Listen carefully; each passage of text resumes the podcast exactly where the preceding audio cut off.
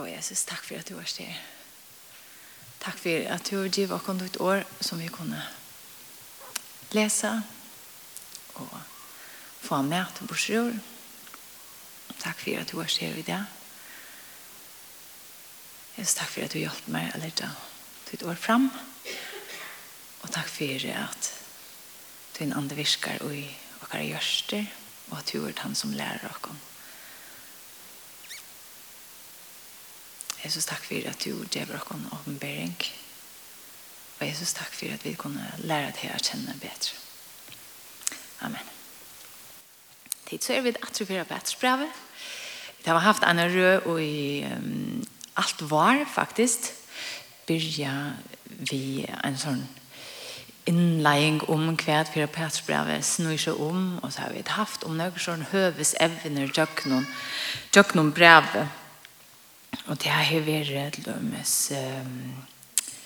lojeng, tror jeg at Peter, han skriver til hans samkomner i uh, Lutla Asia, eller det som vi kallar for Torskaland i det, Aparsa Torskalandet.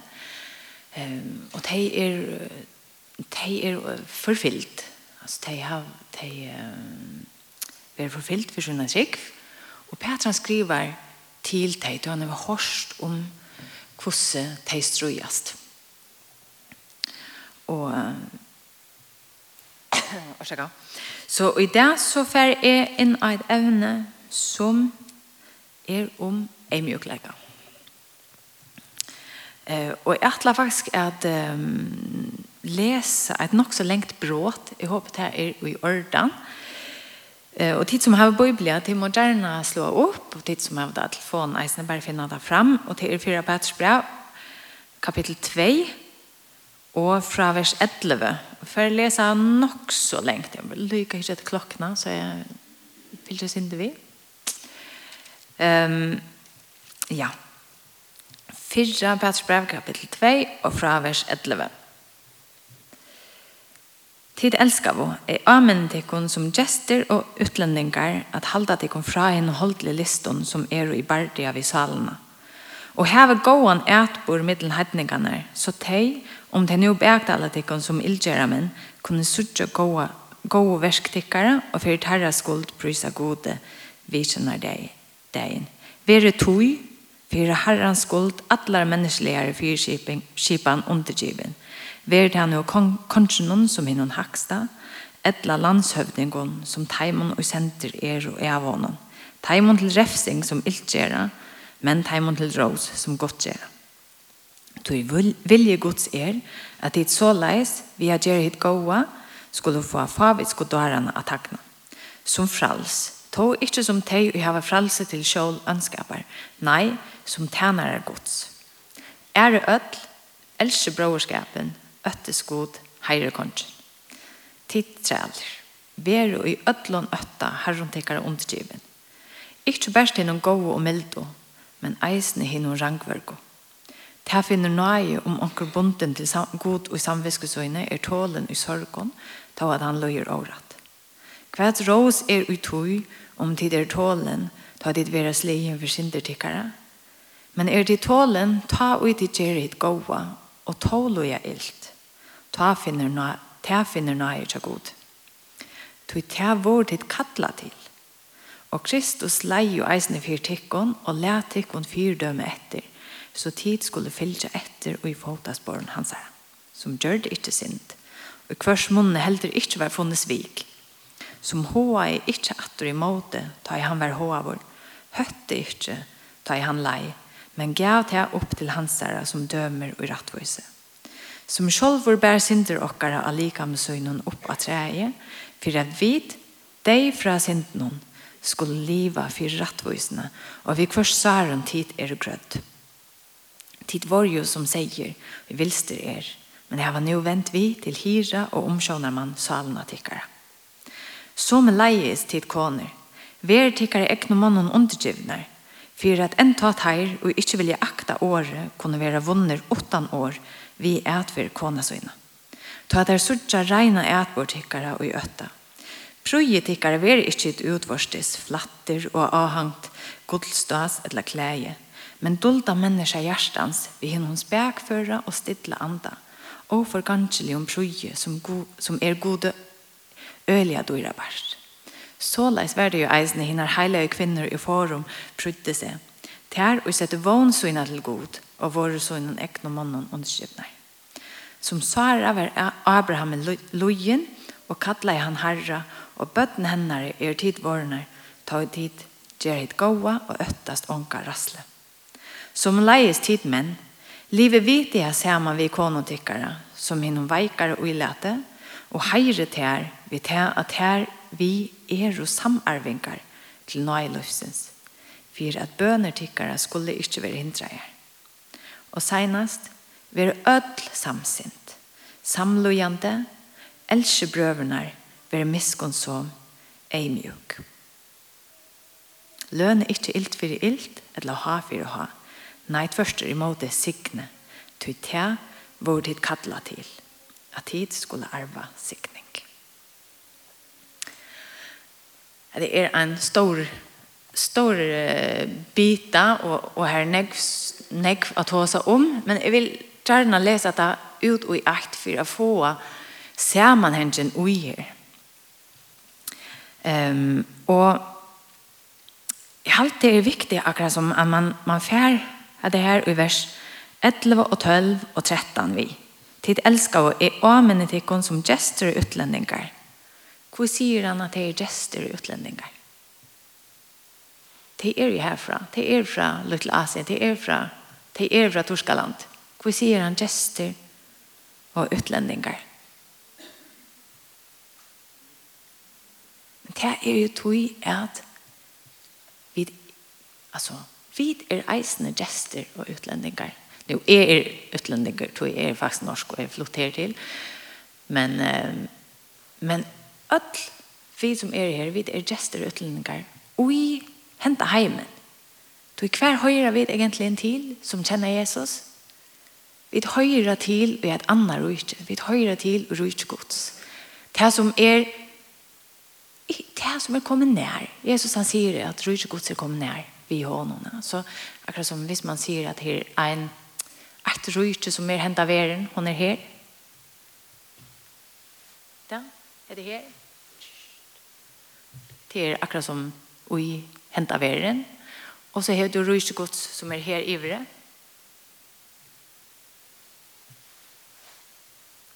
Det tekner nu i luftene. Men det som henter vi Jesus og vi samkommer, det er at liksom, det ryser godt som kommer ene fer, det gruper oss ikke inn i det ryser som er. Så hvis du har hatt det her som er okkara ver, så vet du ryser godt, og det er som gruper oss ikke inn i okkar av er. Så det er her, men allikevel ikke. Så rujt Guds er her, men allikevel ikke. Så vi skulle, vi høyre til og rujt Guds, men vi er at Jesus er ui okkon, heile andan er ui okkon, og vi er Guds folk, så er rujt Guds her, men allikevel ikke, så vi skulle heim. Så vi høyre til her heime, men det er akkurat som, eh, hva sier man, eh, Få hjelpe meg nå. Så som arbeider sendestover, hvordan sier det? Am sendfolk, sier man det? Ambassadører. Altså, jeg vil si ambassadør, men det er ganske sånn fornorsking, fordansking. Men til skilje hvem man vil, ja. Vi er sendt på. Sendte folk, ja. Fra hatt er ikke, og her til. Anyway. Så vi er vi er og tei er gester utlendingar. Det vil si at her er et rujtje som vi høyrer til, vi er mat å leve på, og et, et nytt liv som vi skulle leve i. Men så er vi i henta veren her, som er fotlen og sint, og her som nek og rattvist er, og som nek anskaper er. Men vi høyre til og hjertar og ikke. Og det minner Petra og nå. Minnes til, til er faktisk utlendingar, og til høyre til og i hatt sum som kommer. Og så minner han okkon av at heva gåan ætbor mittlen heidningane. Og det som vi må minnas til, det er at vi at sia Jesus er herr, etla. Jesus Kristus. Han er han som er Messias, han er han som er herr. Så var de kristne og i, altså, så var de i vant. Tog at hver vær herre, det var keiseren. Og man skulle bortja seg for keiseren. Og annars, hver vær herre, er ui tambujen som de var ui. Altså her var kvann boi nastan he sin egna, godar som de tillbo. Dömes känna sikkert til eh ja och i um, Efesos här var Artemis. Och och ta Paulus kom till Efesos och å säga at Jesus är Herren så var det upprörster bojen tog at han hötte Artemis som var herragod. Så leis är det eisene för det tryckvande här som te er och i sån alltså till kejsaren som är herre och till godan är herre boje Og eisen og i familien her, så var det vanta at trealer og kvinner og bøten til tilbod han goden som vær og i husen som mævren tilbe. Det vil si hva hender så? Ta en kvinna eller en trealer vær kristen eller vær frelst. Så sier trealen eller kvinnan eller badne sier Jesus er herr. Og det er en høttan mot familieløyve. Det er en høttan mot bojarløyve. Det er en høttan mot samfunnet. Og det er inn og i det støvene at Peter skriver til hesefølsene.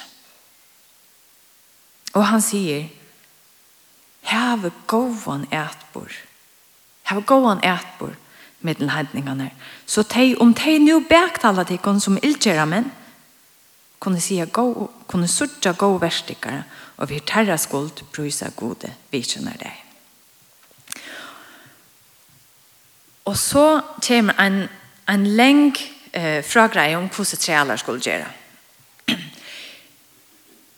er det nækker her inne som helter at eh, Bibelen lærer at vi skulle ha trealer? Bare hånden opp, de som halda det er det näkar här inne som helter. Vi skulle hava träl. Så i Bibeln tåsar om att träler skulle vara undergiven så inne herrar. Er det näkar som helter? Vi skulle hava träl. en hånd. Det är inte längs höjan att folk hilt brukte sån vers 4 att säga att vi skulle hava vi kunne gott hava træler til Bibelen Bibeln tåsar om det. Jeg fer ikke så nekv inn at her tog at eh allt det är inte kanske att han största troplägen vet här var det. Vi lukar nämna till att är vera sin erbjöa av hända texten. Veri ötlon ötta herron tekar undergiven ikkje best hinnom gode og milde, men eisen hinnom rangvørg. Altså, det kan ikkje være så nevnt å få at det brevet fra Petr. At um, tid som er trealer, Godt nok visst det var tja, tja herren som var god vidt hjemmen. Det var faktisk ganske ikke det ringeste togene av ser, eller tog jeg, jeg har akkurat lært at vi en tog frem og undan så var en træla opprester av tog at trælen ble så ytterligere behandlet. Og tog gjør det noen lover som gjør det at jeg måtte behandle trælene sin det bedre. Men alløyga av en så hadde jeg ikke rævlig stor retten til. Og det kunne blive boka og alt mulig. Og han sier, de tre alle veri øtlån øtta herre tikkere undergiven, ikke bare en god og milde, men eisen henne og rangverk. Og det sier, det sier Peter, vi tar for eia, at de skulle finne det, hvordan de skulle manøvrere i et system som er og er løgt. Altså, en skipan som egentlig er og er løgt. God atle er ikke at nærkar skulle leve i trældomme. Men ta man nu er blevet tryggvante, og man hever en herre, og det er forfyllt, så sier Peter, tid, liv og i emjøkleika. Og vær herre tekkare undergivner, og så sier han, du tar vår tid kattla til. Og han brukar Jesus som fyrdømme at Jesus, selv om han lever rett, alt sitt liv, så gav han seg selv han. Fyrt hei som hette han. Han gav sitt liv fyrt hei man. Han sier, det er tikkere fyrt min, at det djeva tikkere liv. Er bjørn det? Pikkelig utsinter. Mestjer til så at Bibelen er eh löjver bara folk att um, att missnöjda så lejare position och utnyttja folk och och vara psykopater. Nej. Alltså visst visst vi läsa Gamla testamentet har vi ett hörst om något som heter profeter. Ja. En stor pastor är profetaböknar Her er profeter som fer til kongen og sier Hatt det bærs til meg, tid utnytta folk, til djeva ikke anker terrorat, tid plava til som er fatøk, tid er ikke gå vi bøttene, altså hatt det bærs til, god vil ikkje hevda så leis, vend vi til en stor pastor av profeta, båskapen og i gamle testamentet. Så god han innskjer at vi skulle leva saman i harmoni. Ok. Så kommer kapitel 3. Som leies til kåner, ver tikkare ekne mannen undergivner.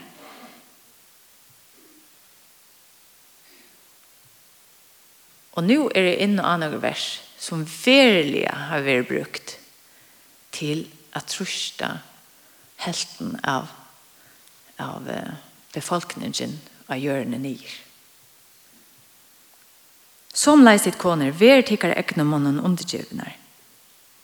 Fyra at en ta teir og ikkje vilja akta året kunne være vunner utan år vi et fyr konesøyna. Kvoi skriver Petre der?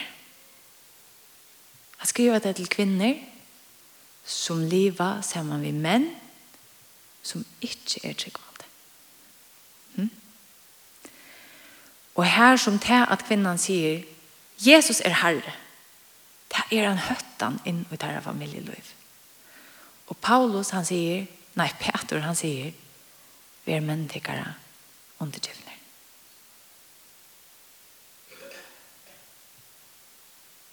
Vi skulle ikke vinna av ta enda vi at gjøre oppreisning og genka vi paroler Jesus er herra vid nokta ät om det geva och hon hese avgoda ner dum dum dum. Sier nei, det är inte att jeg skulle gjøre nå. liv och i familielivet, vi er gå vi människa det kon och vi er undergiven Og så sier han at kanska kunne det være vunner åttan år. Det vil si, hese menner som har hårst året, men som ikke har tid til måte, kan skal kunne vi har suttet hvordan tid livet, hvordan tid selv om tid nå trykker opp på en helt annan herre. Alløyke og halvdjevet ham om viring, enn ta kalla deg herre. Kanskje kan det gjøre at de vender vi og kommer til trygg av Jesus. Og så sier Petr, er veldig ikke et utvarstes flatter og avhangt godstens, eller klæger. Men dulta mennesker hjertens, vil noen spekføre og stille ante, og forganselig om prøye som er gode, ølige og dårlige parst. Og jeg må si at um, tvarst, jeg får ha sin der, Petr, hvor skriver du det her? Jeg har haft det, da jeg var yngre og lese det her, så jeg har bare levd om det brøvene til å si hvor kan jeg ikke pynta meg og færkjåle og godelstas og hva er problemet? Hva er problemet? Um, og, og jeg har sindri bare lovet det om det er jo også at oppgjøkken tog inn her ok, det er noen helt få folk som av tid ikke hatt det så bokstavlig at de ikke gjør på sjord men en ta de som av tid ikke så bokstavlig de flatte har stendte man altså predikere ikke det utvarstes flatter vart ödelförn i norra så var det några några som kristna eh min minnebalkar eller så så som gick öle högt upp i man skulle inte pinta sig man skulle inte ha makeup man skulle inte det var men tej flatta och här isen så också tema var också annars här bara just lopa sig inte för boida och så att att det skiljer sig hoppa bara upp men men så tar jag blir inte äldre så också okej, okay, lät oss lese det her nå, og så i sammenheng. Så les var det eisen når heila kvinner i forum prutte seg. Tær og sette vogn så inn til god og var så innen ekne mannen undergivende. Som svara. Som svara. Altså, jeg skal ikke pynta meg over pen og vøker. Akkurat som svara, ikke gjør det bort til gjør seg selv. Her var det ditt søvn om Sara. Sara Abraham. Ja. Hvordan pen var hun? Hvordan vøker var hun? Hun var så, så vøker at Abraham, han måtte gjøre en sånn avtale vi henne om at ta vidt færre inn i Egyptaland, eller ta vidt færre her og her, så måste du si at du er siste mån til våre holdsikken. Eh, så at... Um, tog til fær av vilja gifta seg vidt til, och så får det drepa med att vi er gift nok. Så tog man bare säga vi er syskon så släpper vi det undan. Och det gjør det så här. Så det kan ikke märka at vi skulle gänga rundt som en säck och i öske och, och om, omskilde det til. Det kan det bare ikke märka. Tog att svara hvis hon vil bruke som dömer og, og kvinner i forum. Jeg vet ikke, hvis man leser Sinter eh, atretter, så er en stor hers av Bibelen. Det er Ester. Og jeg mener så vidt, har vi det her søvann om Ester i sundagsskolan, så gjør vi bare negl og har, og massasje og alt mulig. Jeg vet ikke, hun var drottning. Så det stas. Så det kan ikke være det. Jeg halte faktisk at hatt er en innbjøring til At vi er ikke bare det som vi er uten av. Vi er ikke bare prøye, flatter og og han godstas og klæger og make-up og alt. Vi hava at innere menneske. Vi er religiøs individ til kvinner. Vi er det. Vi slipper at tilbe god. Vi slipper å ha en relasjon med ham. Og kjenne skriftene. Og vi slipper at bli ombrøtt av honom. Og at, at vi brøytast innan ui. Og det er det aller, aller vekraste. Det er ta Jesus slipper å brøyta okkom innan ui. Så atter til Sara. Såles var det jo eisen når heilige kvinner i forum prydde seg, ter og sette vån søgna til god og våre syna egnom munnen undergivner. Og i alt det hatt er at synder er klo til å skilje enda teksten. Tær og sette vånsynet til god. Tær og sette vånsynet til god. Og vår sånn egnom mann og underkivner. Hvor måtte jeg sette vånsynet til god? Hva er skvært, tvær tog, at som tøyer, så handler mennene slett ut fra og har man kvinner. Til våre egoister og det sette kvinner til seg vanda. Som Abraham. Og her er nemlig Sara et fyrdømme. Hva skal at hun være ordelig, ordelig djørv, at fyllte Abraham ut ut av åkjenta, og ta eisen leit hun av god, og det får sammen. Men ta Abraham sette henne liv og vanda til djørda. Og hon var gift først vi en konger, på en gang. Vi skulle fære atter i første målspåk.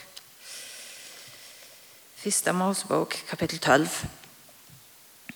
Her er sjøvan om ta Abraham fer til Egyptaland. Jeg får lese at det sinter kjøtt alt. Ta en jo ikke var lengt etter til honom til Egyptaland, sier han vi Sara i konesøyna. Det heter fra vers 11 i kapittel 12.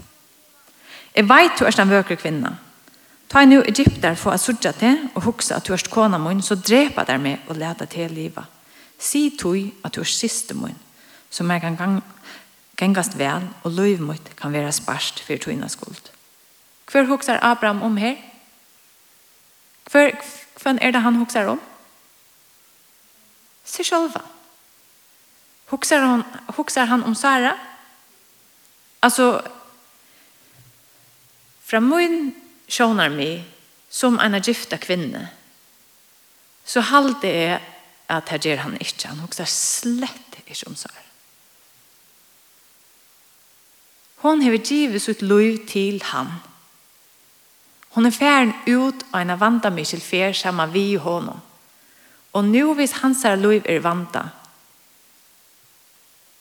så skal hon si hon systra hans så at han evig lever.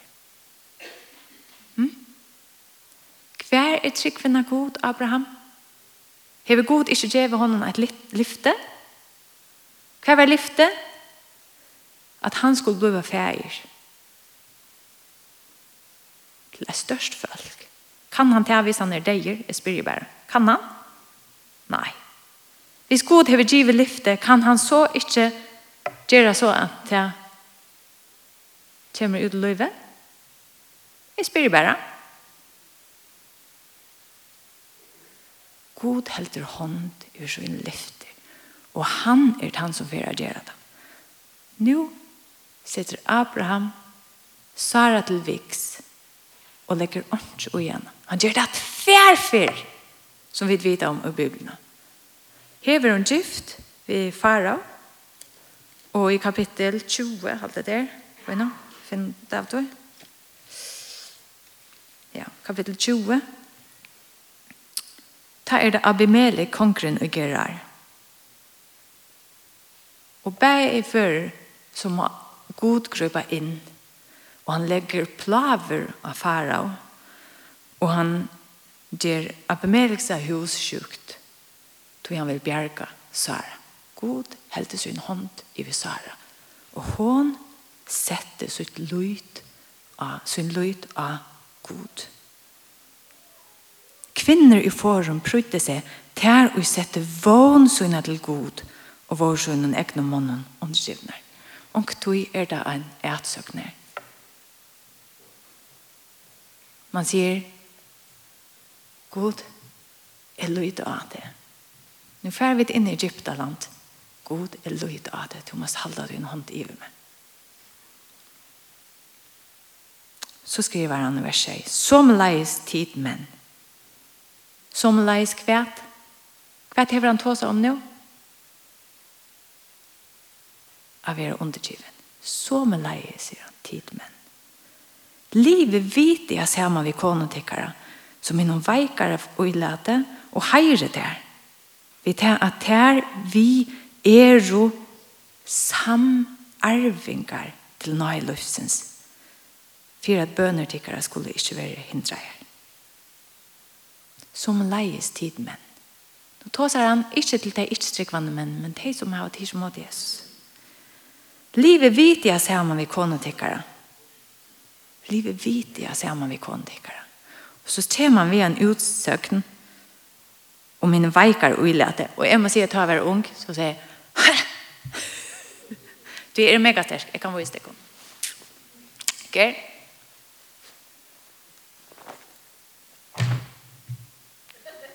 Altså, jeg mener da, Jeg halva i helten av tronsjen her av da jeg var i baden av skolen, og jeg faktisk het, jeg synes som min oppgave at at tega seg drønnsene som ikke skikker seg pen, så tog det bare nakker sin og helte nyrre inn til deg til gå og si, just you know, først ordentlig, ordentlig grossa. Jeg er megastersk. Jeg er sterskere enn de fleste kvinner, og jeg er sterskere enn de fleste ordensdransjene. Så ser det, og jeg har alltid vært sterk, og det er vært parst av min identitet at jeg er sterk. Det er akkurat som vi er. Synnøve, jeg er sterk. Og tog jeg her er er som veikar og i let kvært. Hva er det jeg sier? Og faktisk vet ikke ordentlig hva Peter mener vi.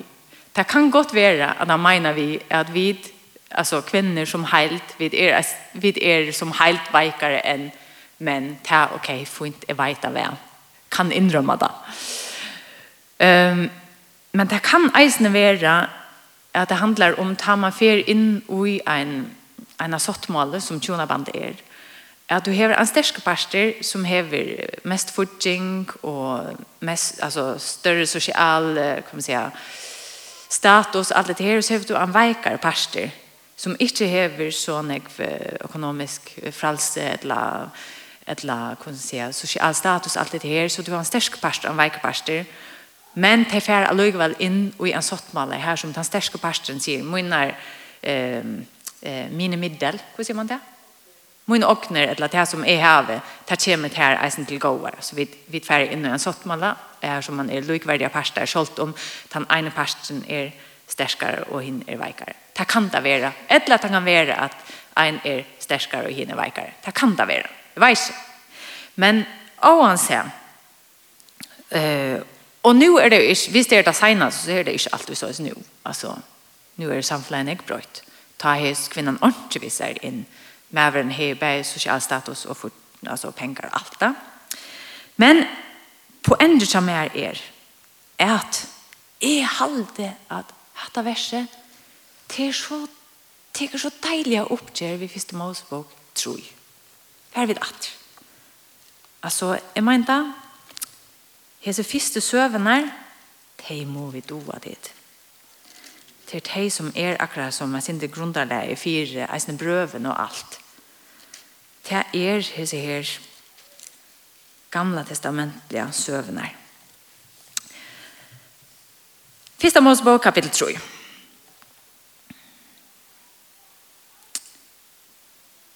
Vers 15. Det er at han Adam og Eva har etter frukten, det har ikke lusta etter Guds år. Det har vi ikke sett så ut alle til han. Men det er også vid vilja gjøre det på akkurat mat. Jeg sier til fortjenskap, sier Gud, middelen te og kvinnerne, et han tås av i slangan som dører det. Middelen tutt avkom og henne avkom. Han skal såre hødda der, men to skal tøkke han i halen. Vi kvinnerne, sier han, Jeg skal lete til loja stora trångt, ta ut over vi baden, vi pojne skal du eia bøden. Men til mann tøyn skal tra tøyn vera, og han skal roa iver der.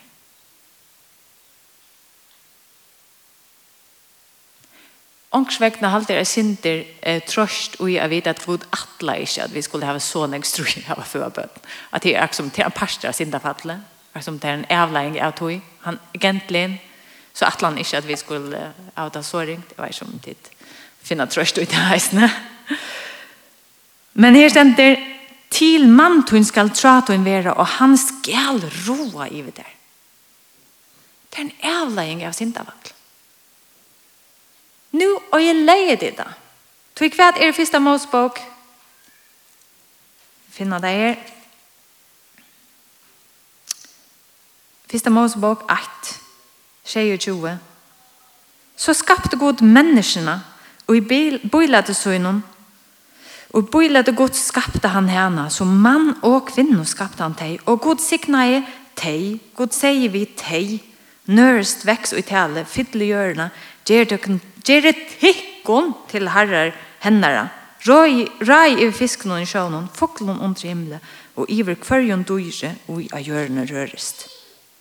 Framvei sier god, er djeve tikkon, allar orster og allar hjørne som bærer fra, og öll trø som bæra frukt vi fræven oi. Hetta skuld dit heva til føje. Og öllun dyrna hjørne, öllun foklun under himle, og öllun oi av hjørne skrujur, öllun tui, og hever livand sal og især. Taimon djeve er atlar grønar urster til føje, og så vær. Ha det er et høyme, ha det er, Gud sier det vi ein, han sier det vi tei, tid bæje, tid skulle. Så kom vi til kapittel 3, Det var alt øylagt. Alt øylagt. Tuin troa, til mann tuin skal troa tuin vera, og han skal roa iver det. Men hva skvært Peter sier? Og i hatt han nordje rujtje, rujtje gods, hva skvært? Så er vi satt i fralse fra forbannelsen som fylte vi syndafallet. Vi er satt, sett i fralse. Og han sier, som leis tid, men livet vet jeg sier man vi kom tykkene.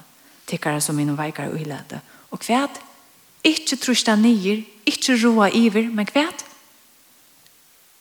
heire til Kvoi, vi til at her vi er samarvingar til nøye løsens. Nå er det noe helt ære lover som er galtande og jeg heter rujtje en ta en henta veren som vi liva ui. Guds rujtje gruber inn og i okkara eh, relasjoner med til og kvinna sier at det er oppretta atter. Det er ikke omtrenda forbannelsen fra Fyrsta Mosebok kapittel 3. Her som kvinnan skal tro etter mannen og, og tog kan man man kan eisne utlegge etter verset som at Hon ska röjna bestämma över sin man men han fer att trösta henne ner. Vi det är lost för att du. Och vi kan leva samman. Frals. Samman. Är det skott och inte? Det är en grund till att till att uh, romer romvärnar det södde ha kristna trunne til för kvinnor och träl.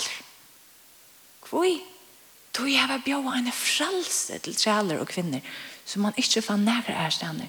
Då var skoj Jesus sätter och i frälse. Och så säger han Fyra at böner tycker skulle ikke være hindret er. Og at affær er ikke at utlegget, og det skiljer ikke ordentlig. Men det sier nægge om olfarsame og utøy. Hvordan menn lever sammen vi sine kvinner at man ikke lever som i hese verene, her man truster der nye, men at man heirer der, og lever sammen vidt der som samarvingar. Akkurat som menn er arvingar, så er kvinner eisen arvingar. Seinast ver öll samsint, samlojande, else brøvenar, veru miskunnsom, ei mjuk. Og dette er til öll. Ta mester Vars kvad, det handlar ikkje om kvør kan trusta kvønn nyer. Det handlar om kvør kan letta kvønn opp. Vær som er bokta hatt rett, men vanlig skilja løgga. Det han tog god, han er ikke opptidsen av hver slipper å bestemma.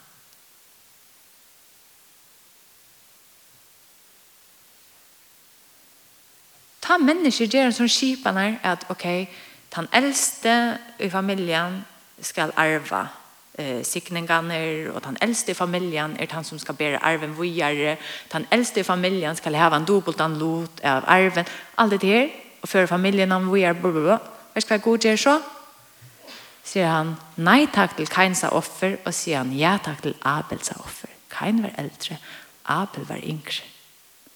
Han sier nei takk til alle badjene til David og sier Luttle badjen, det er ikke han. Han er luttle her, som tid halte ikke er verst nega, som bare kan ansett seg, han skal være konger.